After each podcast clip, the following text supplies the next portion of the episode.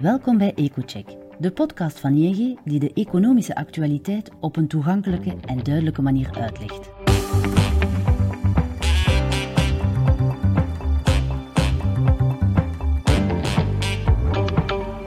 Om de twee weken buigen onze economen zich over de meest besproken gebeurtenis en analyseren zij de economische en financiële gevolgen voor u of uw onderneming. Vandaag is uw gastheer Wouter Thierry, econoom bij ING.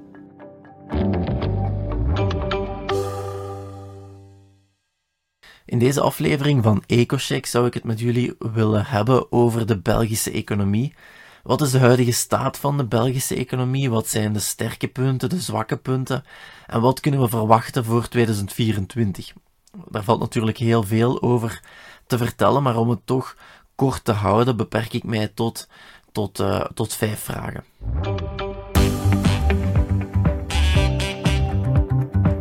We luisteren naar de analyse van Wouter. Een eerste puntje, ja, hoe staat de Belgische economie ervoor momenteel?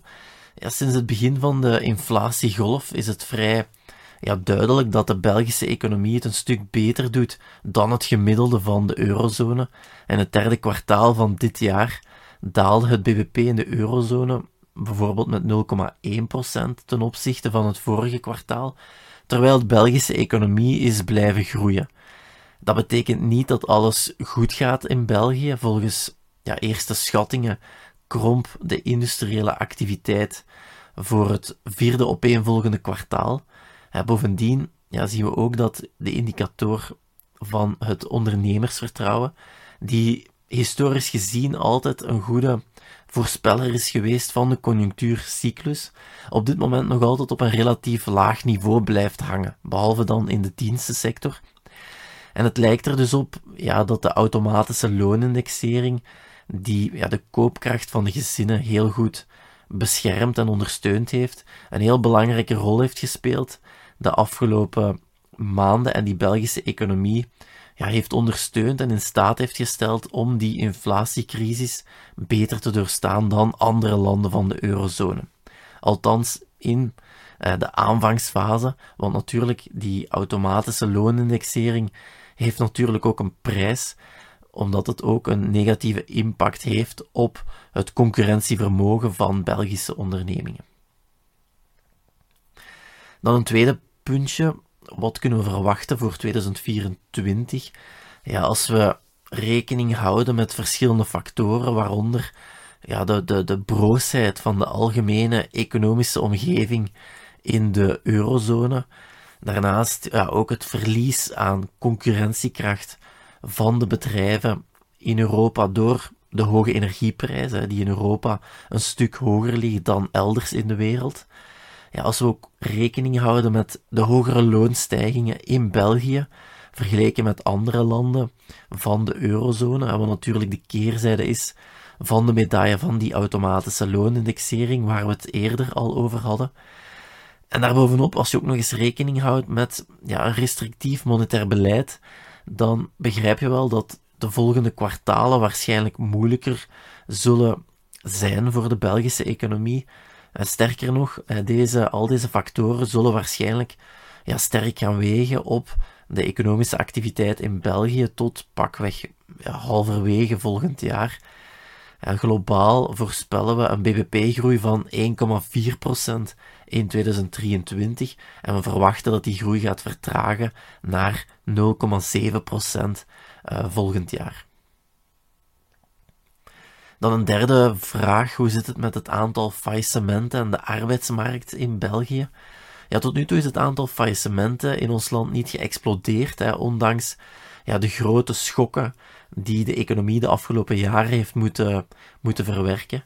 En we mogen niet vergeten dat er tijdens de COVID-periode ook een moratorium was op faillissementen.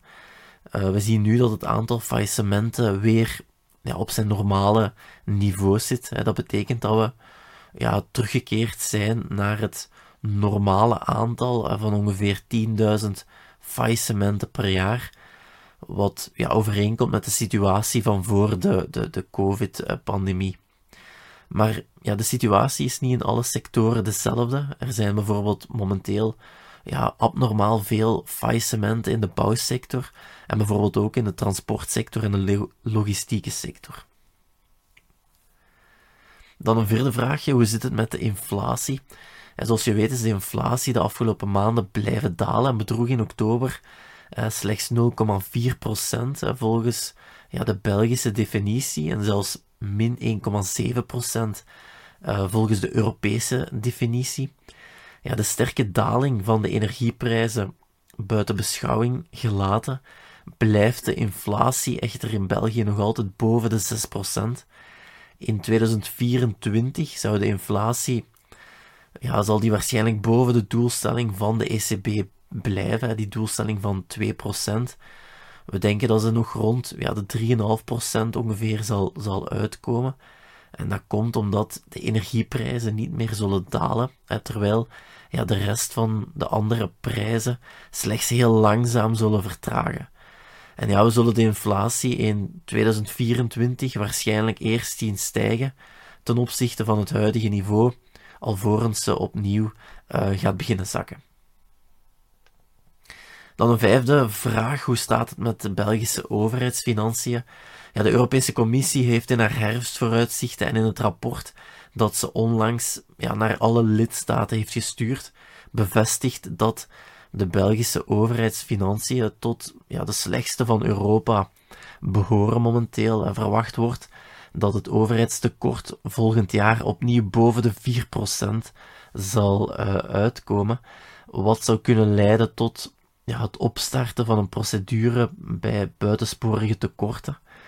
Ja, gezien de verkiezingen in juni 2024 en de tijd die in België ja, vaak nodig is om nieuwe regeringen te vormen, lijkt het ons ja, vrij onwaarschijnlijk dat volgend jaar ja, aanzienlijke inspanningen zullen worden geleverd om ja, die overheidsfinanciën wat, uh, wat op orde te brengen.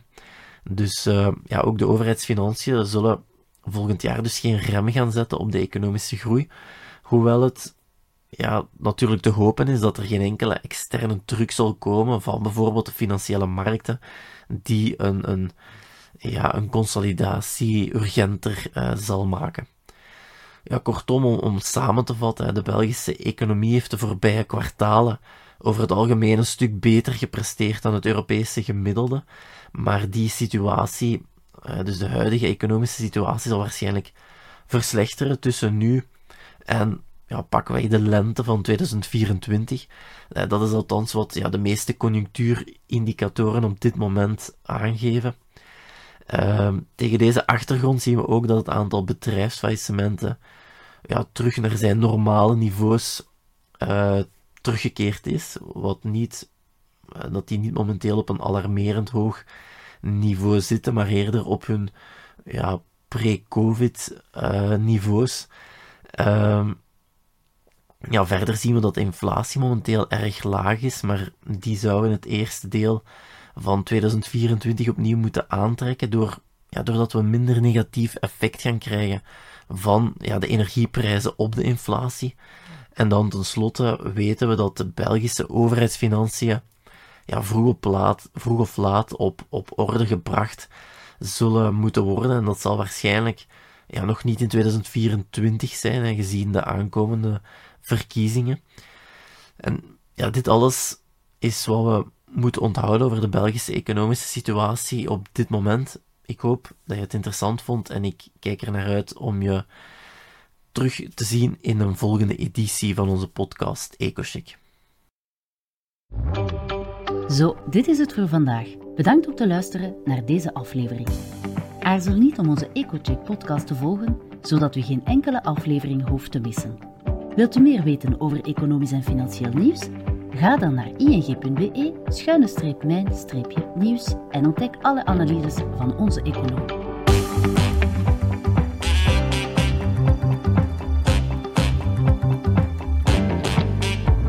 Graag tot de volgende aflevering.